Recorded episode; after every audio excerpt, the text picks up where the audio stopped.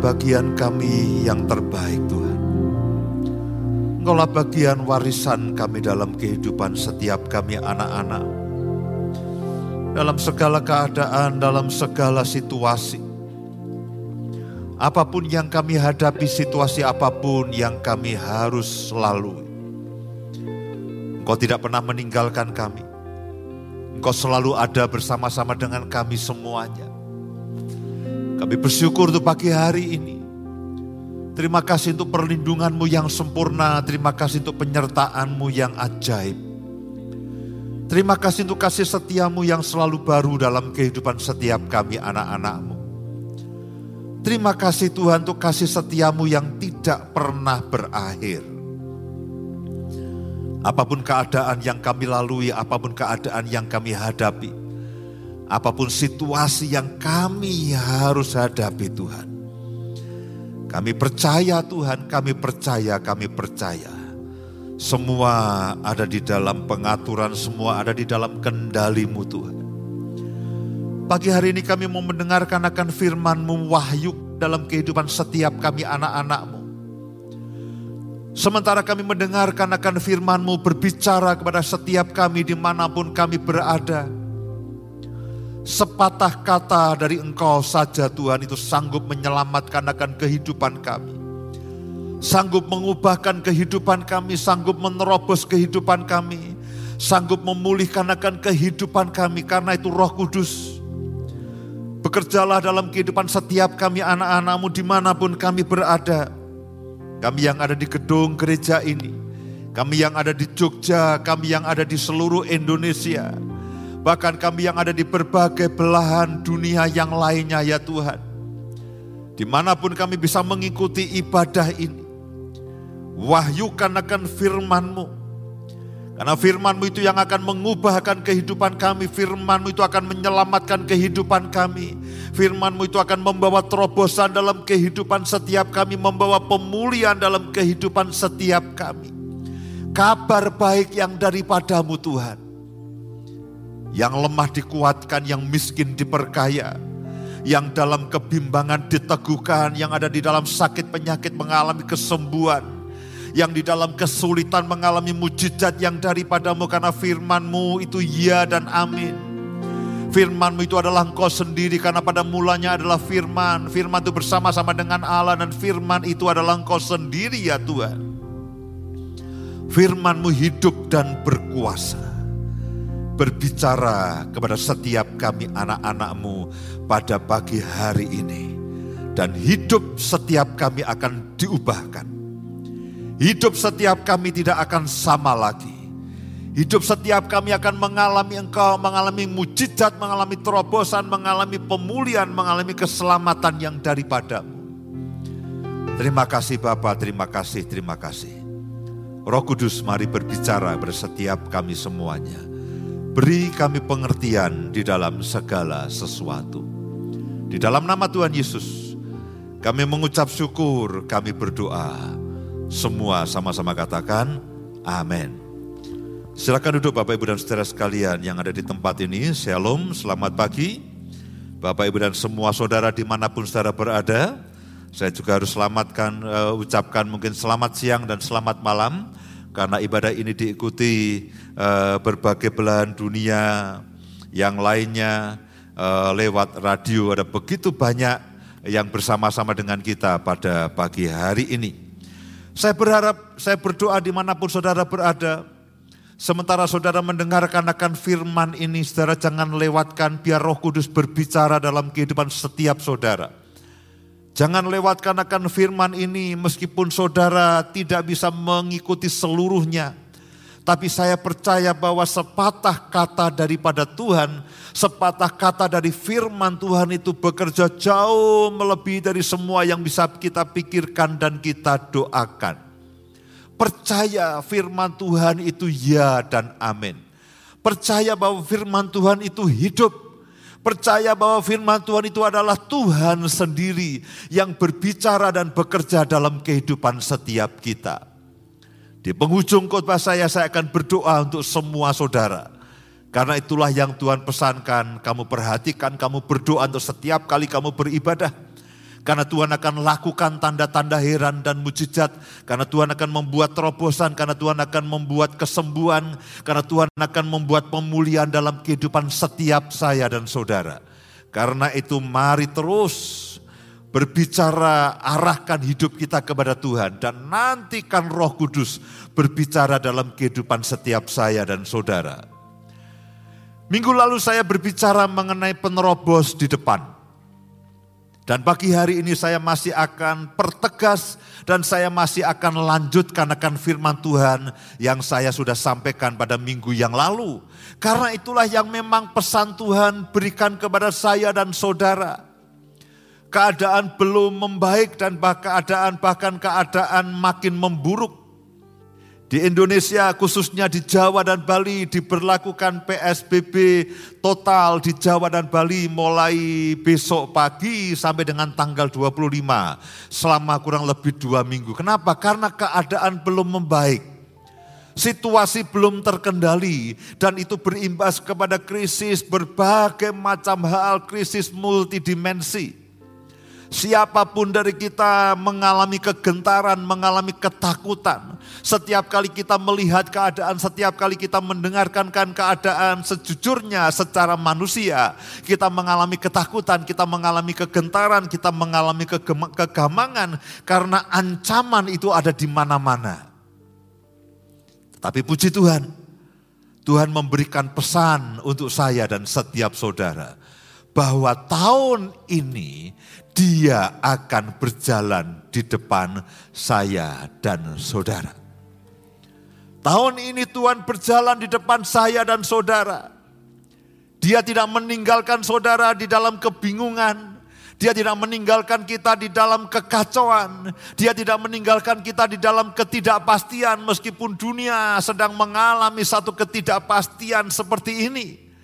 Tapi Tuhan berjanji kepada saya dan saudara bahwa aku berjalan di depan. Aku tidak pernah meninggalkan engkau, aku tidak pernah mengabaikan engkau, aku tidak kehilangan akal, aku tidak menyerah dengan keadaan ini. Justru pada hari-hari ini Tuhan sedang menunjukkan kepada saya dan saudara bahwa kemuliaannya akan menjadi nyata dalam kehidupan saya dan saudara. Dia penerobos yang berjalan di depan. Dan pada pagi hari ini saya akan perjelas kembali bahwa dia bukan hanya penerobos, tetapi dia juga gembala yang ada di depan.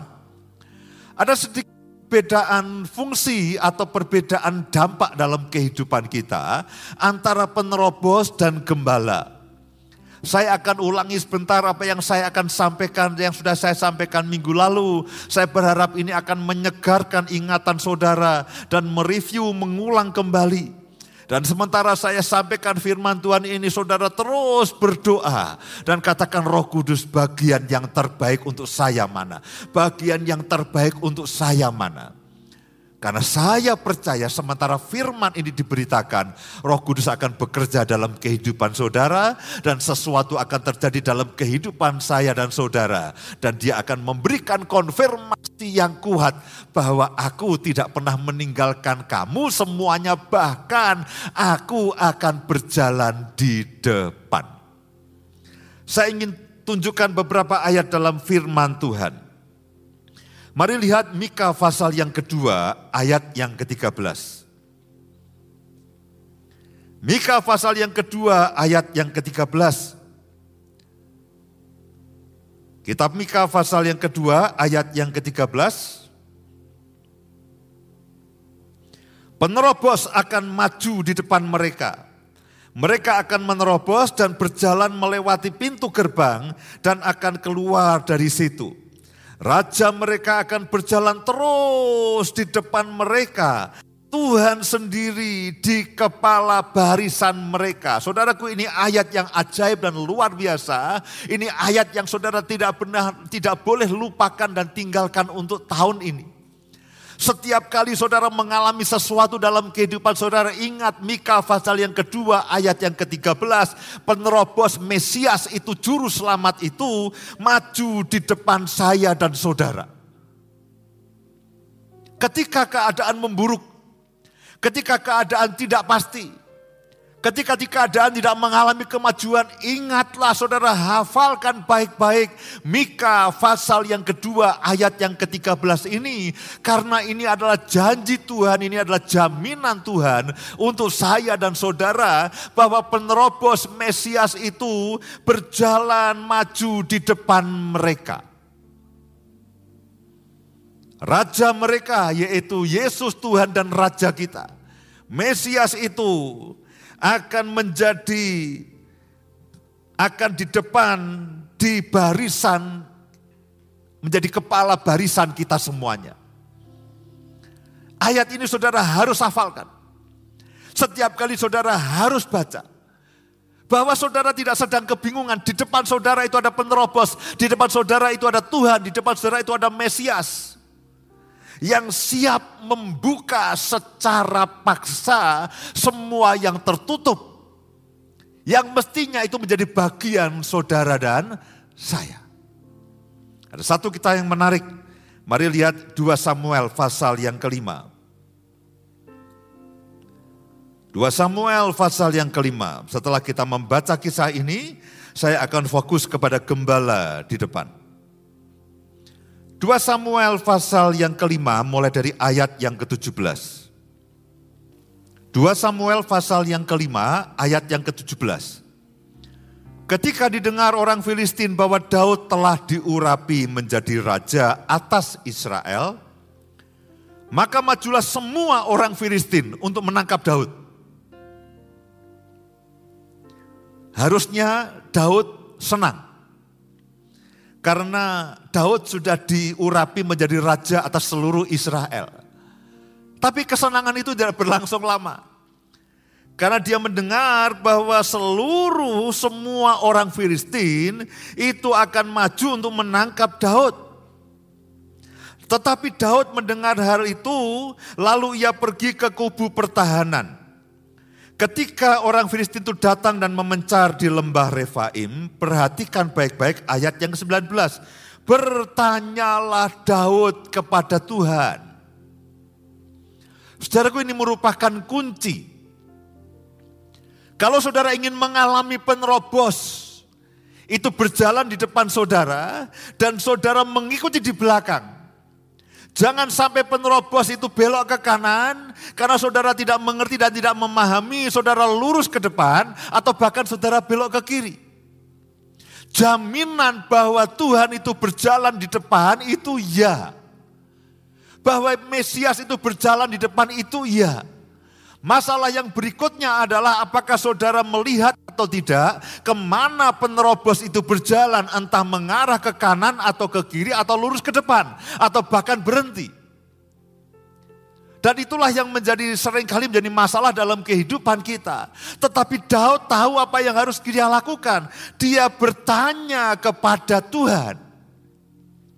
Saya dan saudara setiap kali harus punya satu kerinduan Tuhan. Apa yang harus saya lakukan? Apa yang harus saya kerjakan? Itu harus menjadi satu apa ya? Satu satu kebiasaan setiap kali saudara akan mengambil keputusan. Janganlah kita terlalu percaya diri dengan semua kemampuan dan semua kekuatan kita dan semua kebenaran diri sendiri dalam kehidupan kita. Lalu kita katakan, "Oh, aku tahu apa yang harus aku lakukan, aku tahu apa yang harus aku kerjakan." Sikap itu tidak menolong saudara. Apalagi dalam situasi yang tidak mudah seperti ini, yang praktis tidak ada seorang pun yang bisa memprediksi apa yang akan terjadi. Firman ini menjadi rema, menjadi nyata dalam kehidupan saudara. Jadi milikilah satu sebuah sikap. Milikilah sebuah sikap dan berkata Tuhan apa yang harus aku lakukan. Ke mana engkau melangkah? Aku akan ikut di situ. Saudaraku, saya sadar, saya tahu prakteknya tidak mudah.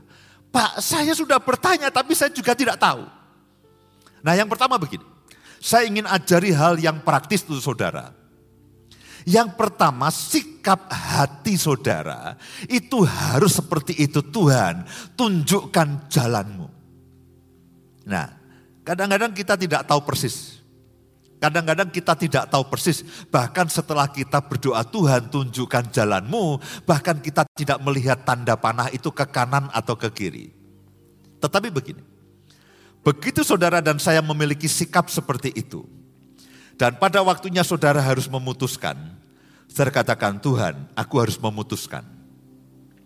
Sejauh yang aku saat aku tahu, aku harus memutuskan ke kanan. Putuskanlah ke kanan. Tapi kan begini, sikap hati saudara sebetulnya adalah saudara ingin melihat Tuhan. Tapi mungkin karena keterbatasan saudara, saudara Pak saya tidak bisa melihat persis. Cuman dalam hati saya harus mengarah ke kanan. Lakukan dalam iman. Tetap dalam satu sikap Tuhan. Aku siap mengikuti engkau, tetapi saudara harus memutuskan. Kalau saudara harus memutuskan ke kanan, ke kananlah. Sementara itu saudara tetap berdoa Tuhan tolong pimpin. Kalau toh yang aku putuskan ini salah, hadanglah. Dan paksalah aku ke arah yang benar. Karena sejujurnya tidak semua orang tahu sejak awal. Saya sadar tidak semua orang punya kepekaan yang sangat tajam. Semua dari kita bisa melakukan kesalahan. Tapi jangan takut. Yang pertama yang saudara dan saya harus jaga adalah satu sikap.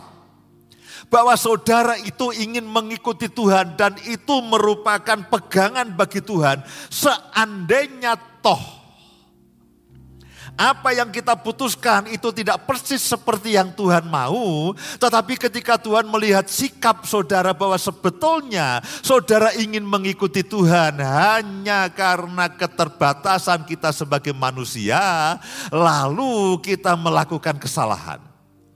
Nah berkali-kali saya mengalami seperti itu dan entah bagaimana tiba-tiba Tuhan menghadir tiba-tiba uh, jalan itu mengalami jalan buntu dan Tuhan melakukan campur tangannya merekayasa ulang ke jalan yang dia tunjukkan.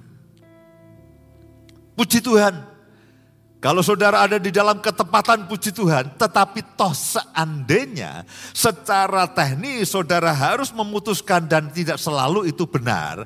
Tetapi karena sikap hati saudara yang menginginkan Tuhan berjalan di depan saudara, itu akan diperhitungkan Tuhan. Jadi jangan takut dan jangan ragu-ragu yang pertama milikilah satu sikap, Tuhan engkau di depan, aku di belakangmu. Ke mana engkau mengarah, ke situ aku berjalan. Tetapi praktisnya, praktisnya seandainya pada detik, pada jam yang ditentukan saudara harus memutuskan, putuskanlah. Roh Kudus, tolong aku. Seandainya toh keputusan yang saudara dan saya ambil tidak tepat seluruhnya. Tuhan masih akan meluruskan jalan kehidupan saudara. Tuhan akan meluruskan. Tidak semua pahlawan-pahlawan iman itu selalu benar. Beberapa mereka memutuskan hal yang salah. Tidak selalu keputusan Abraham itu benar, tidak selalu keputusan Yakob itu benar, tapi toh Tuhan meluruskan. Nah kembali kepada ayat yang ke-19 tadi. Bertanyalah Daud kepada Tuhan. Dia sudah menjadi raja atas Israel, tetapi dia tetap punya satu sikap. Bertanyalah Daud kepada Tuhan.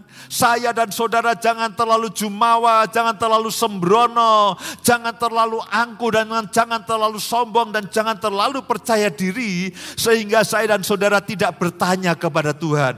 Bertanyalah Daud kepada Tuhan, apakah aku harus maju melawan orang Filistin itu? Akan kau serahkankah mereka ke dalam tanganku?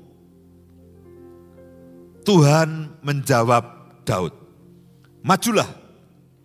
Sebab aku pasti akan menyerahkan orang Filistin itu ke dalam tanganmu. Lalu datanglah Daud di Baal Perasim dan memukul mereka kalah di sana. Berkatalah ia, Tuhan telah menerobos musuhku di depanku seperti air menerobos. Sebab itu orang menamakan tempat itu Baal Perasim. Master of Breakthrough, Tuhan atas semua terobosan. Hari itu ketika Daud dihadapkan kepada semua musuh yang mau membinasakan dia. Musuh yang sangat besar. Daud bertanya kepada Tuhan, Tuhan, Bertanyalah Daud kepada Tuhan, Tuhan apakah aku harus melawan mereka atau tidak? Aku akan menang atau tidak? Nah sikap hati itulah yang membuat Tuhan katakan, Daud majulah. Dan ketika Daud itu maju Tuhan tahu, Daud tahu bahwa Tuhan itu menerobos musuh itu. Memporak-porandakan semuanya. Hari itu Daud mengalami Tuhan sebagai bulldozer di depannya. Meratakan jalannya. Nah saudaraku Bapak Ibu sekalian ini janji Tuhan untuk kita. Ini jaminan Tuhan untuk kita untuk tahun ini. Karena itulah jangan takut meskipun kita tetap harus waspada. Meskipun kita tetap harus hati-hati tapi jangan takut. Ini adalah penerobos di depan. Nah yang berikutnya saya akan bicara dan akan uh, bicara lebih banyak mengenai gembala yang ada di depan. Mari lihat sama-sama di dalam Yohanes pasal yang ke-10. Ayat yang ketiga dan keempat. Judul dari perikop ini adalah gembala yang baik. Yohanes pasal yang ke-10, Injil Yohanes pasal yang ke-10 ayat yang ketiga dan keempat. Sekali lagi judul perikop ini adalah gembala yang baik. Untuk dia penjaga membuka pintu dan domba-domba mendengarkan suaranya. Dan ia memanggil domba-dombanya masing-masing menurut namanya dan menuntunnya keluar. Jika semua dombanya telah dibawanya keluar, ia yaitu gembala berjalan di depan mereka dan domba-domba itu mengikuti dia karena mereka mengenal akan suaranya. Kemudian ayat yang ke-10. Pencuri datang hanya untuk mencuri, membunuh dan membinasakan. Aku, Yesus, gembala yang baik itu datang supaya mereka mempunyai hidup dan mempunyainya dalam segala kelimpahan. Ayat yang 11, perhatikan baik-baik. Akulah gembala yang baik. Siapa gembala yang baik? Yesus. Pada bagian yang tadi kita dengarkan dia penerobos yang ajaib. Kali ini dia katakan, aku juga gembala yang baik. Gembala yang baik memberikan nyawanya bagi domba-dombanya. Saudaraku sampai tadi malam, saya itu berpikiran begini. Ya mungkin karena kultur di Indonesia bahwa gembala atau orang yang menggembalakan kambing, kerbau, sapi itu kalau di Indonesia itu kan katakanlah bukan pekerjaan yang keren atau bukan pekerjaan yang dirindukan banyak orang. Tetapi sampai tadi malam ketika saya belajar kembali, Ternyata pekerjaan gembala itu di Israel itu satu pekerjaan yang amat mulia di kalangan orang Yahudi. Saya heran melihat keterangan itu. Saya pikir gembala itu adalah pekerjaan yang rendah. Saya pikir gembala itu adalah pekerjaan yang penting. Tapi semalam ketika saya belajar kembali, saya baru mengerti bahwa pekerjaan sebagai seorang gembala itu adalah pekerjaan yang amat mulia, pekerjaan yang amat penting. Pekerjaan itu dilakukan oleh pria maupun wanita, anak-anak laki maupun perempuan, orang kaya maupun orang miskin. Saya loh, ternyata tidak seperti yang saya bayangkan bahwa ini merupakan pekerjaan yang sangat penting. Ini pekerjaan yang amat mulia sehingga orang melakukannya yang dewasa, yang muda, anak laki-laki, anak-anak perempuan.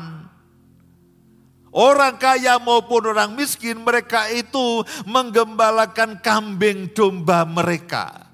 Meskipun kadang-kadang tidak seluruhnya, kadang-kadang tidak semuanya. Di dalam Alkitab kita melihat beberapa anak perempuan uh, dari Laban dan sebagainya, mereka juga mengembalakan kambing domba mereka. Nah, di sisi yang lain, di sisi yang lain, pekerjaan sebagai gembala ini juga pekerjaan yang sangat berat dan berbahaya. Di satu sisi pekerjaan sebagai gembala itu pekerjaan yang mulia, pekerjaan yang dilakukan praktis oleh semua orang kaya, miskin, tua, muda, laki-laki dan perempuan di Israel pada waktu itu. Tetapi pekerjaan ini juga merupakan pekerjaan yang berat dan pekerjaan yang berbahaya. Saya ingin tunjukkan dan saya ingin beri gambaran kepada saudara. Sehingga nanti saudara akan mengerti, oh kenapa Tuhan Yesus itu mengatakan kepada saya dan saudara, akulah gembala yang baik. Yang baik itu seperti apa? Bahkan dikatakan gembala yang baik itu rela menyerahkan nyawanya bagi domba-dombanya. Nah sampai dengan tadi malam saya masih belum mengerti sepenuhnya. Sampai ketika saya membaca kisah mengenai gembala di tanah Israel pada waktu itu. Yang mengatakan bahwa e, gembala itu adalah pekerjaan yang penting, pekerjaan yang mulia. Sekaligus pekerjaan yang berat. Dan pekerjaan yang berbahaya. Mari lihat sama-sama di dalam kejadian pasal yang ke-31. Ayat yang ke-38. Saya berharap dari kisah ini saudara akan mengerti pekerjaan gembala. Dan dari situ saudara akan bisa mengerti apa yang Yesus lakukan dalam kehidupan saya dan saudara.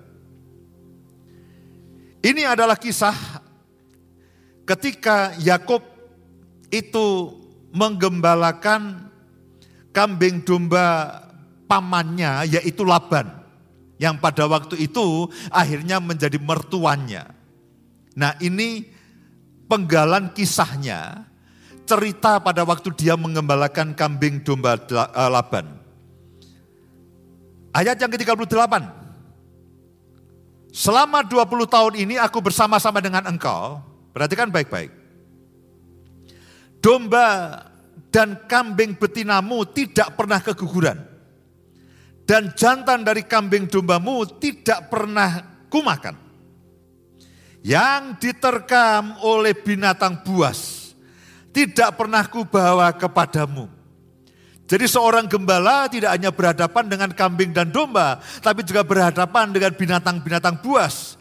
Aku sendiri yang menggantinya. Yang dicuri orang Berarti para gembala itu tidak hanya berhubungan dengan apa kambing dan domba, tapi juga para pencuri yang datang hanya untuk membunuh dan membinasakan.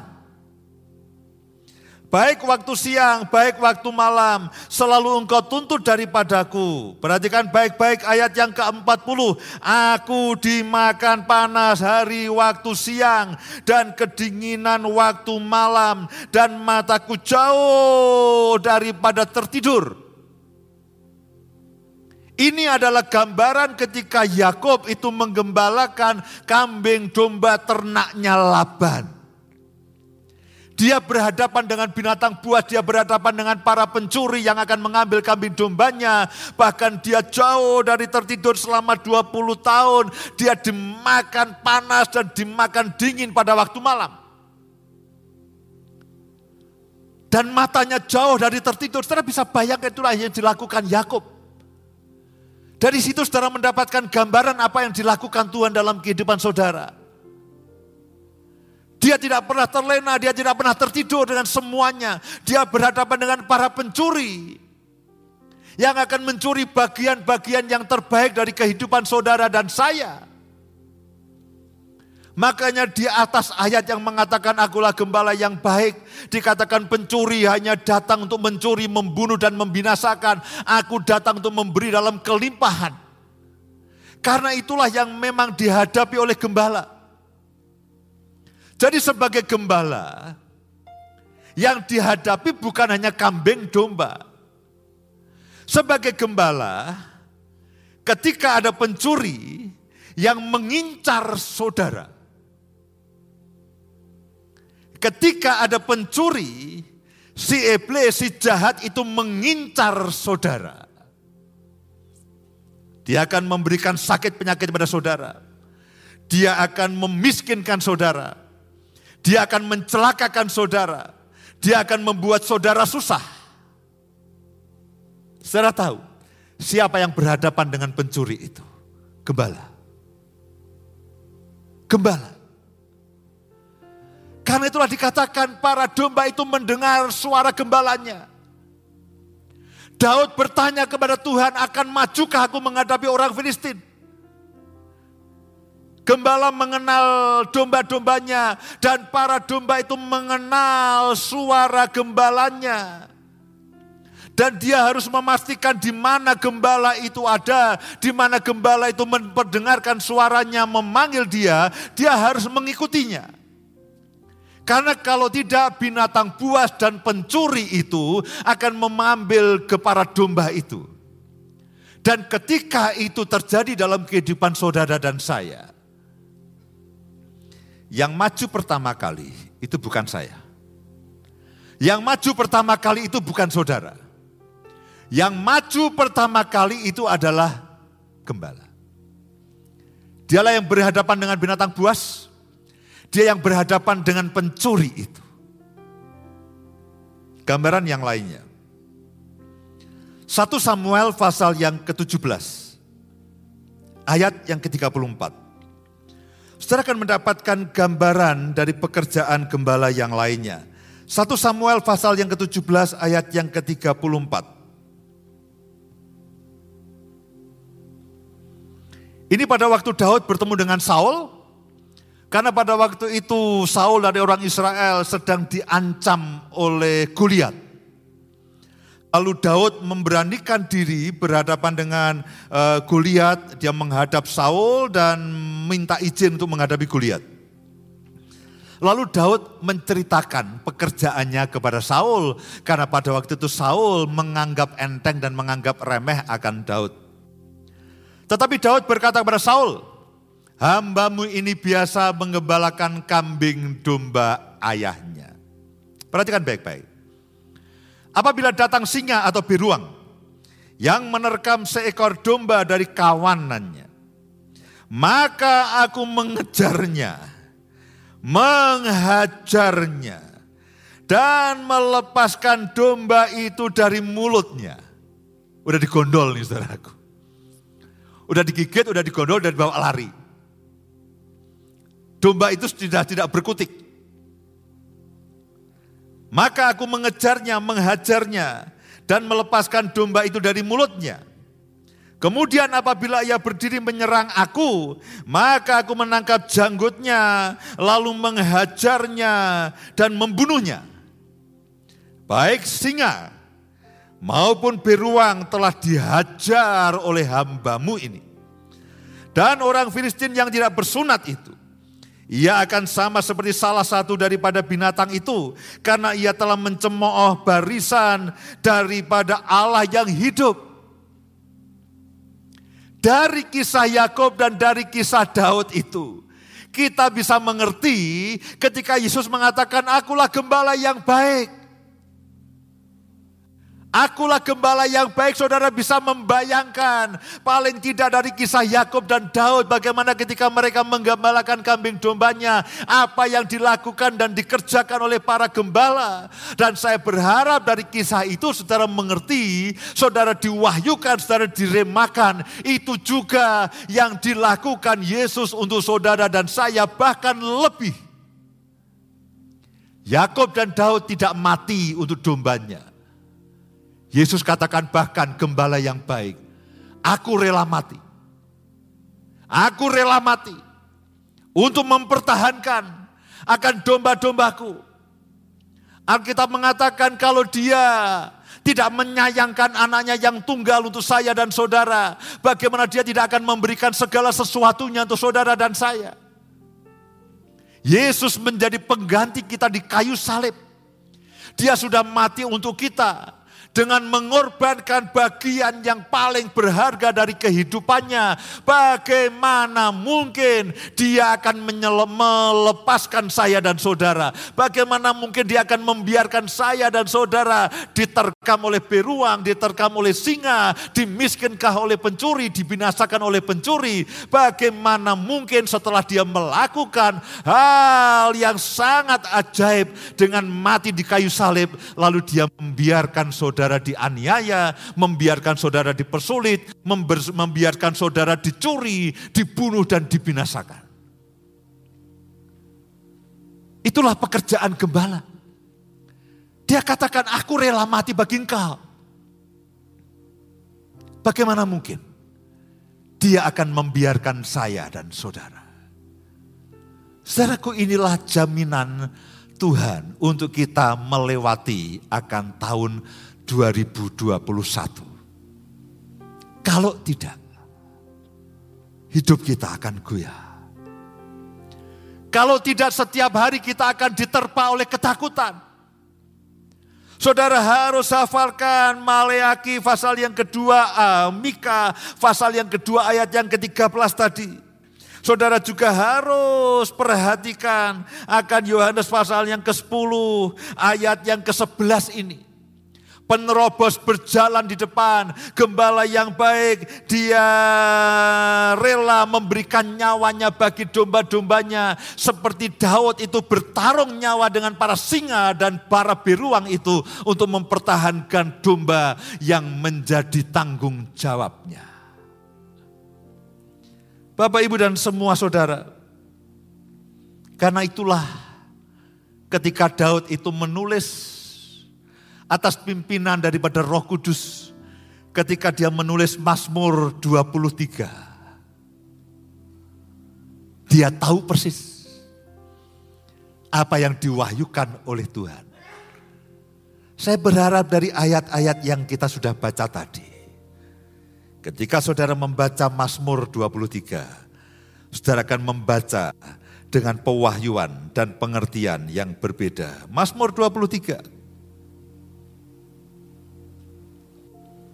Sekarang saudara tahu bahwa Mazmur ini bukan hanya Mazmur yang enak didengar.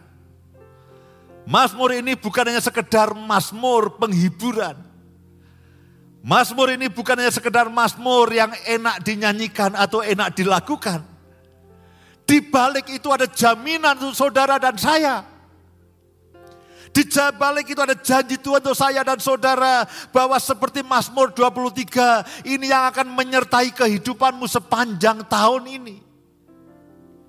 Dan itulah janji dan jaminan Tuhan untuk saudara dan untuk saya. Ayat yang pertama, Mazmur Daud. Ketika Roh Kudus berbicara kepada Daud, Daud tuliskan Mazmur ini. Tuliskan pewahyuan bahwa aku adalah gembala. Daud katakan, Tuhan, aku faham. Karena aku pernah sebagai gembala. Aku faham. Jadi Mazmur ini selain diwahyukan roh kudus kepada Daud. Wahyu Mazmur ini juga pengalaman Daud sebagai gembala untuk domba-dombanya tapi Mazmur ini lebih lagi juga merupakan pengalaman hidup antara Daud dan Tuhan sebagai gembalanya. Jadi ini pengalaman double.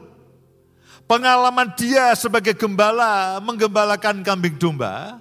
Dan pengalaman Daud sebagai domba digembalakan oleh gembala agungnya. Diwahyukan oleh roh kudus. Tuhan adalah gembalaku kalau saudara perhatikan kehidupan Daud, tidak mudah saudaraku. Kehidupan Daud tidak mudah. Dia dikejar-kejar Saul akan dibunuh.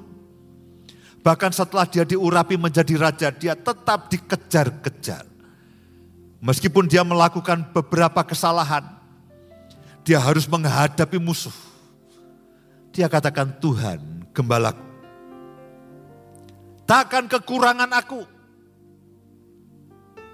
Dia membarikan aku di padang yang berumput hijau. Dia membimbing aku ke air yang tenang.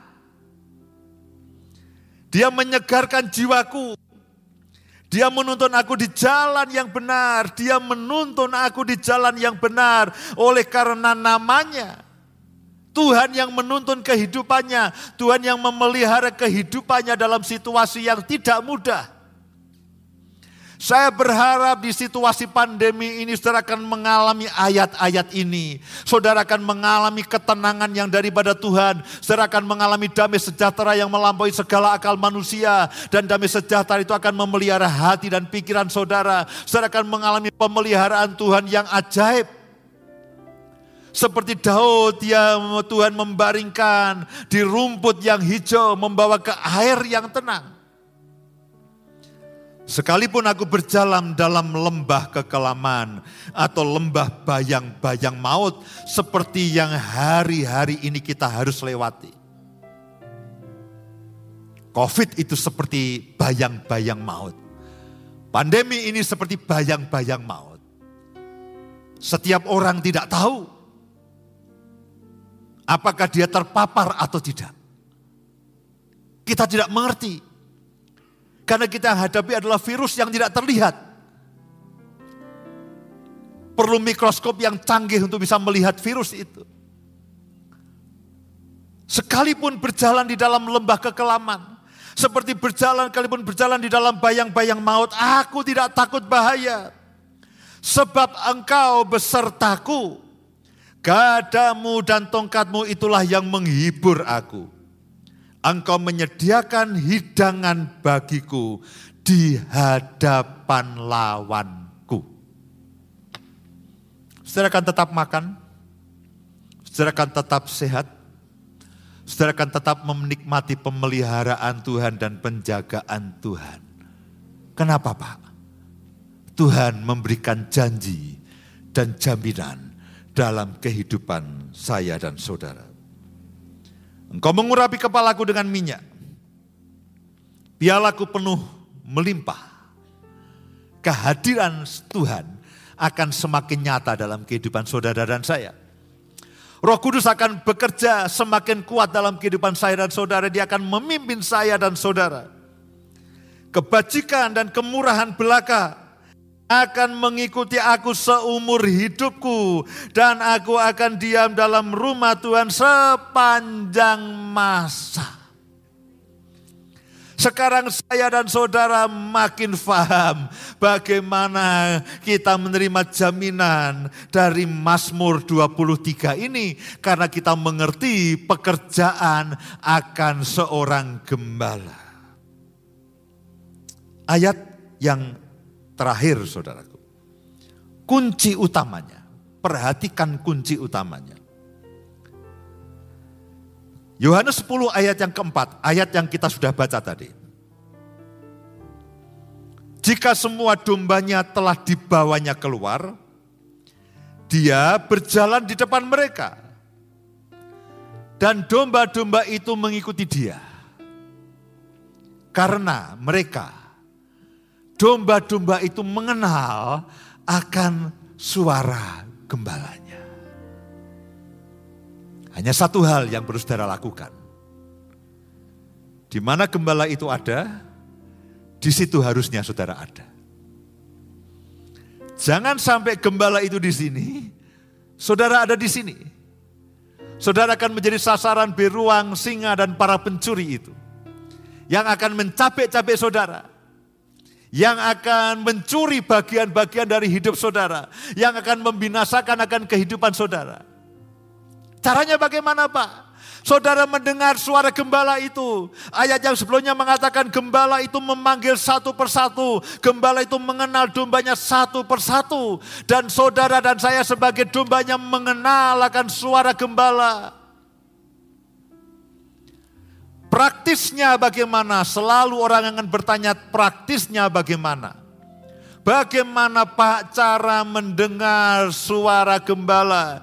Dan berkali-kali saya selalu katakan yang pertama baca firman Tuhan, baca Alkitab setiap hari banyak-banyak. Saudara ingin mendengarkan suara Tuhan? Ini suara Tuhan. Pak saya ingin mendengar yang audible. Yang Bible dulu aja, jangan yang audible. Sudah jelas ada di sini. Teorinya ada di sini. Petunjuk pelaksanaannya ada di sini. Semuanya ada di sini. Pak, tapi saya ingin mendengarkan langsung. Sudah ada di sini. Jangan-jangan saudara malas untuk membaca. Pak pokoknya saya ingin mendengarkan suara langsung Tuhan. Oh ya. Ke kanan atau ke kiri? Kanan. Jangan jadikan kemalasan saudara. Itu alasan. Lalu, wah aku kan pengen yang langsung. Wah itu alasan aja saudaraku. Alkitab katakan baca. Renungkan firman ini siang dan malam. Dan firman ini akan masuk ke dalam kehidupanmu akan menjadi pelita dalam kehidupanmu, akan menjadi terang dalam kehidupanmu, akan memimpin kehidupanmu, akan mengarahkan kehidupanmu. Firman ini akan berbicara dalam kehidupan saudara dan saya. Firman ini hidup. Pak, hari-hari ini saya banyak nganggur, saya bekerja di rumah. Puji Tuhan. Jangan hanya cari tanaman lalu nandur tanaman gak jelas urusannya. Banyak baca firman Tuhan. Jangan cuma cari aktivitas yang lainnya, Pak saya nganggur, saya mengembangkan hobi yang lainnya. Saudaraku, oke saudara boleh boleh lakukan apa yang saudara suka, tapi hal yang saudara harus tambah porsinya adalah membaca firman Tuhan dan merenungkan siang dan malam. Saudara akan mendengar suara gembala itu lewat pembacaan firman Tuhan ini. Yang kedua, selalu saya katakan, Sediakanlah waktu untuk duduk diam di bawah kaki Tuhan. Dan waktu yang terbaik itu adalah pagi hari saudaraku. Waktu yang terbaik adalah sebelum saudara memulai segala sesuatunya. Sebelum saudara beraktivitas, sebelum saudara bekerja. Datang kepada Tuhan, duduk diam di bawah kaki Tuhan mendengarkan terus akan suaranya, baca Alkitab. Biarlah itu menjadi bagian saudara sepanjang hari. Setiap kali saudara mengingatnya, setiap kali saudara menghafalkannya, setiap kali saudara merenungkannya, setiap kali saudara mendeklarasikannya, niscaya saya dan saudara akan mendengar suara gembala Saudara akan tahu di mana air yang tenang. Saudara tak akan tahu di mana padang rumput yang hijau. Karena di situlah gembala itu berada. Amin. Saya berharap firman ini akan diremakan dalam kehidupan saya dan saudara.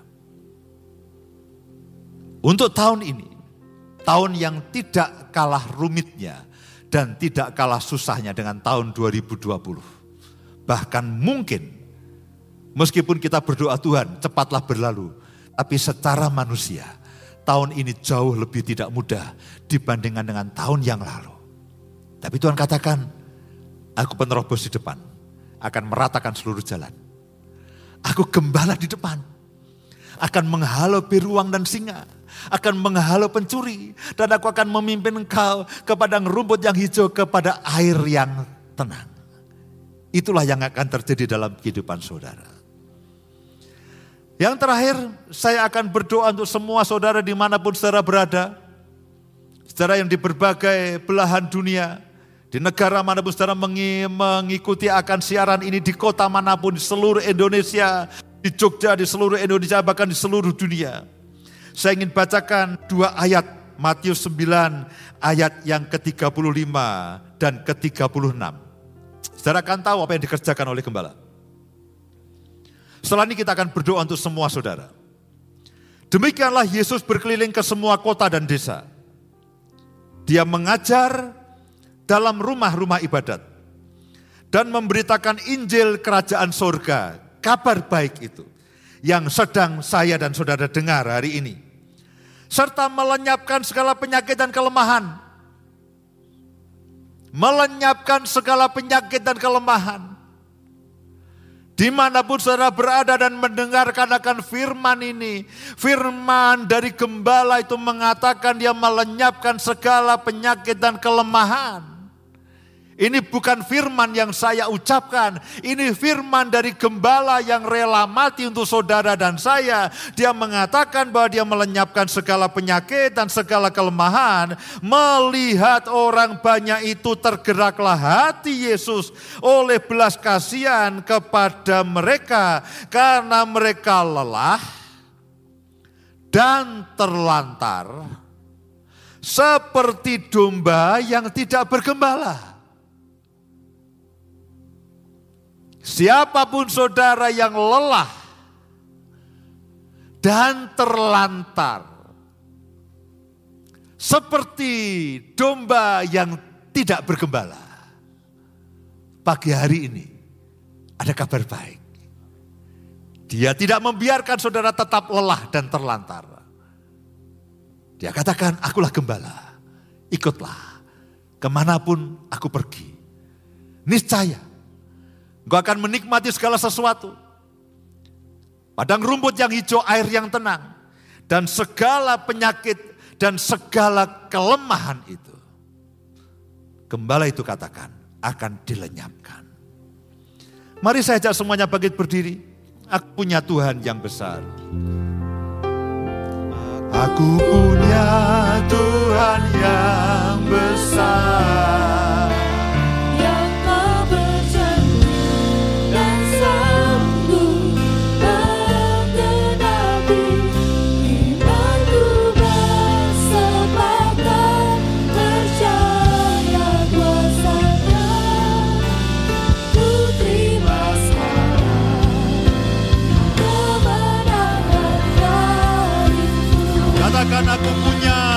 Punya Tuhan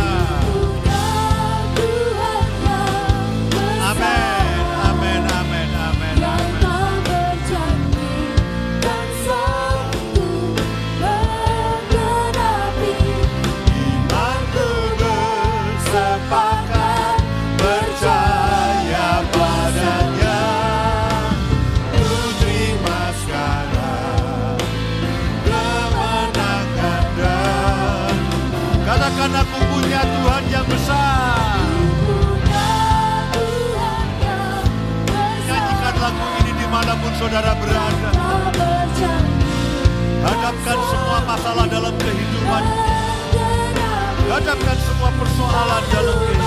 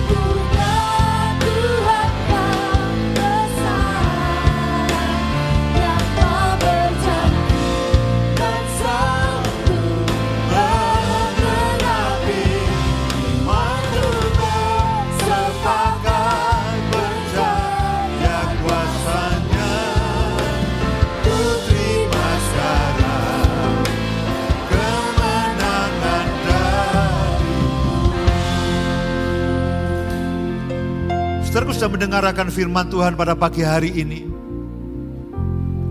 Dia gembala saudara tidak akan membiarkan saudara terlantar dan kelelahan.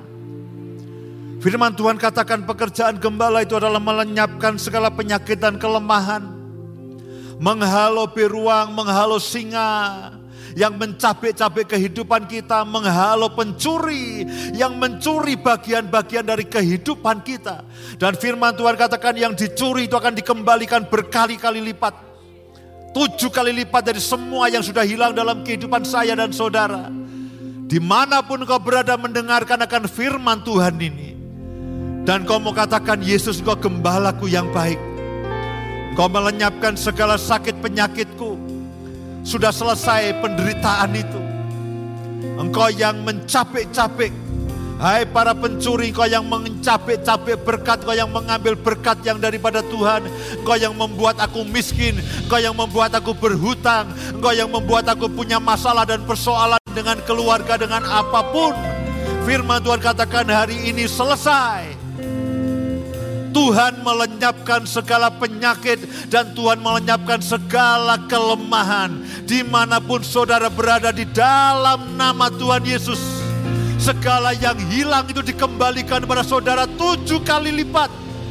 Semua yang diambil oleh iblis, semua yang diambil oleh pencuri itu dikembalikan tujuh kali lipat. Entah bagaimana caranya, saya dan saudara tidak tahu. Tapi gembala agung itu tahu apa yang harus dilakukan untuk menyembuhkan kita, untuk melenyapkan saya dan saudara dari semua kelemahan dan mengembalikan semua yang dicuri oleh iblis. Ya Tuhan, biarlah Engkau wahyukan kebenaran ini kepada setiap anak-anakmu. Menjadi janji dan jaminan bahwa Engkau tidak pernah meninggalkan kami. Engkau berjalan di depan kami dan roh kudus akan menolong kami untuk mendengar suara Tuhan setiap kali.